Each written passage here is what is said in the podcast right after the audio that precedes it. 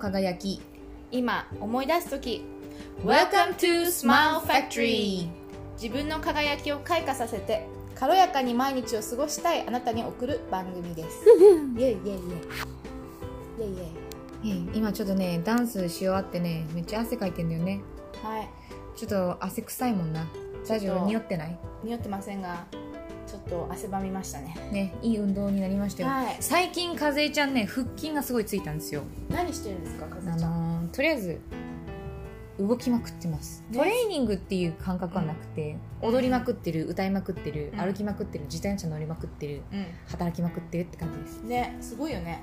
エネルギーが。でもそうね。10割方エネルギーあれば5割方しかまだ出せてない感覚はある。そうなんだね多分今までが引きこもりすぎてた。そっか。ちょっとたまりにたまって。真の自分のあのエネエネルギー発散方法が分かってきた感じかそなうですね。なんか楽しく発散したいよね。なんか頑張ってうん。こうしなきゃいけないっていうのはうち向いてないんだよね。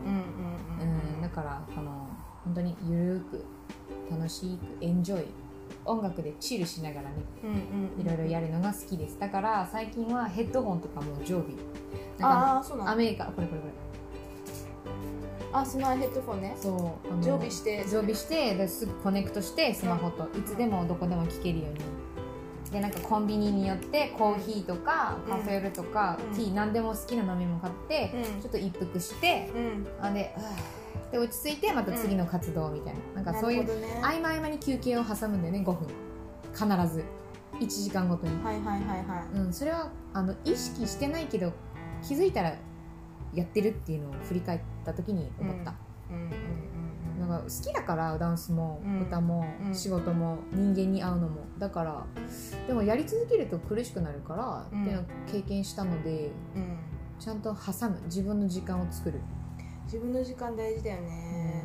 そう。だからゆかちゃんみたいにお母さんっていう立場の人はさうん。なかなか自分時間取りにくいと思うけど、うんうんやっぱりヘルパーさんに手伝ってもらったりいる人はね、うんうんやっぱそういうのね全然頼っていいと思うしね。そう周りの家がこうだから私もそうしなきゃっていうのはもう全部捨てた方がいい。あなたがどうしたいかね。本当にそれをでさあそうだちょっと気づきがあってこの前。あなあなたのあなたはどうしたいか。どうしたいかっていうよりもなんかさ私さ最近あのー最近というかなんかさ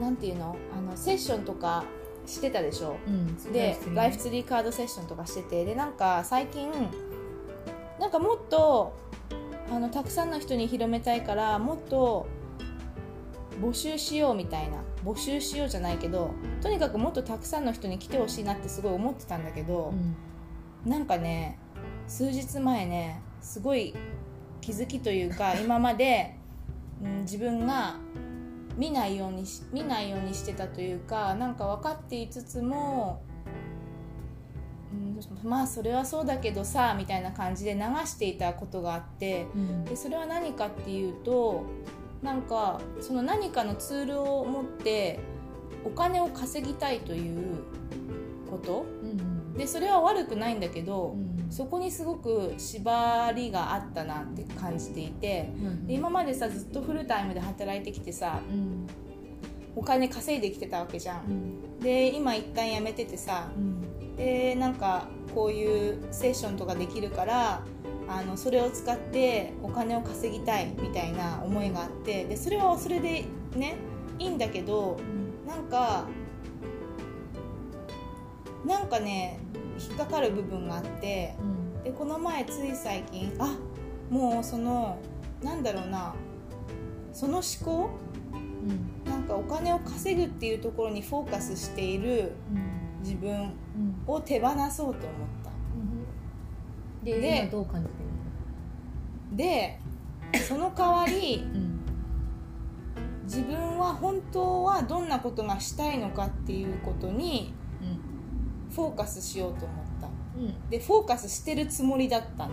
うんなるほどね。なんだけど実際はうん。そのフォーカスしてるつもり例えばね、うん。人とつながりたいんだっていうふうに思っている私がいるけどその裏の本当の思いはそこからお金が欲しいみたいうんなるほどね。な、うん、のがあってあ私はなんかちょっと逆だったんだ逆逆だった。逆だったというか、うん。そうだそうだ。その部分をさ手放してさフォーカスする部分を本当にねしかも心から心からフォーカスするあのことを変えようというそのなんか向き合うむ自分がそこに向き合う準備がやっとできたって感じて。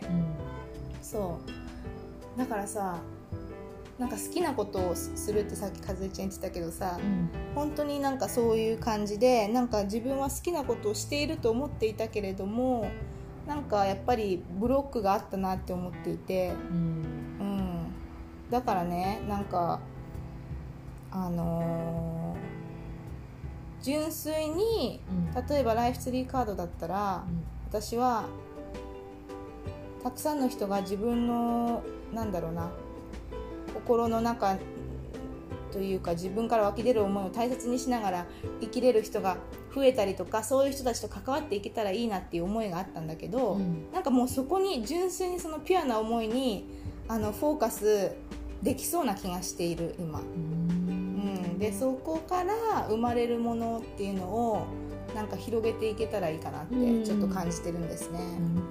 うん。なんか和江ちゃんを見ていてすごくあの純粋にさダンス楽しんだり歌楽しんだりしてるかな前息してるのと一緒って言ってたじゃん、うん。うん、そんな感じでなんかもう自然とそういう気づいたらやってるみたいそう気づいたらやってるっていうこともそうだけど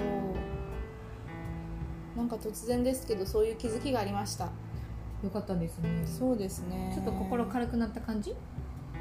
そうそうそう。心軽くなった感じうんというかなんかまだあちょっとどうしようドキドキドキドキみたいな感う覚ん。まだねね。まだね。はいはいはいはいはい、うん。これからどうなっていくんんだろうどうなっていくんだろうみたいな感じ。ちょっとドキドキとそうそうワクワクの狭間みたいな。でさありがたいことにねあのねお仕事をしてくれている夫がいるからうん。今なんかそうだよね。そうそうそうそう。でうちも一緒だもん。だから旦那がもうお金のことは心配しなくていいからやりたいことやりなさいって。そそれを言ってもらってるのに、うん。一生懸命自分で稼ごうと頑張ってるっていう多分そこの気持ちが一緒なんだよ。人にあんまり頼りたくない。そうなのそうなの自立したいみたいな。そうそうそうそう。だってさなんか旦那からお金受け取っていいよって言われるけど、なんか申し訳なさが出てこない、うん。で今までね自分で稼いできた人ほど多分そういうのを思うと思うんだよね。でみんなそれぞれさう。ん。そういう経験あるじゃんバイトをしたりとかさ、うん。正社員だったとかさ、それはやっぱ受け取り力だよね。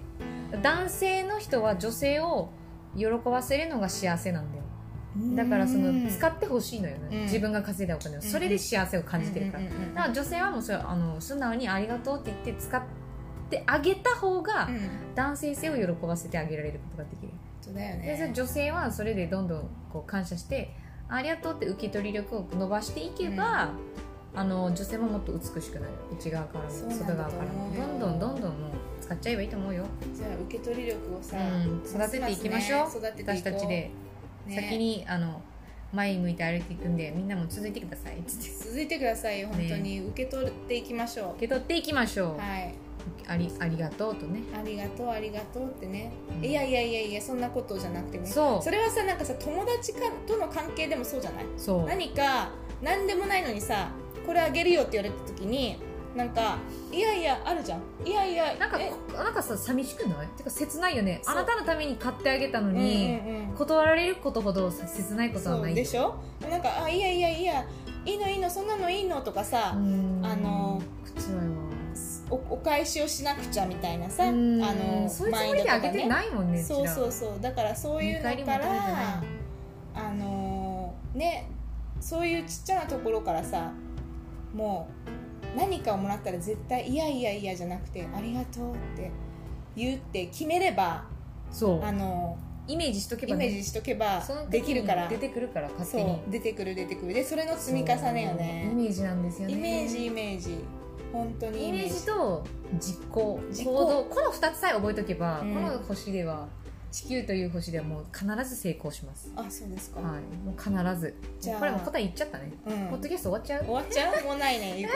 イメージ力と行動。でも本当にちっちゃい行動の積み重ねで。そうですそう。あと行動したら失敗も増えるって思うかもしれないけど失敗ってこの世にないからね。うん。経験値しかないからうね、ん。失敗何をもって失敗というかっていうのはそれ一人それぞれで違うし、うん。私は失敗はしてないと思ってる。うんうんうん。人生で一回も、ね。だからさありがとう受け取ろう。ん感謝して。受け取りましょう。うやりましょう。では。はいすいませんよりありがとうということで皆さん今日も良い一日を。聞いてくれてありがと Thank う you バイバイバイ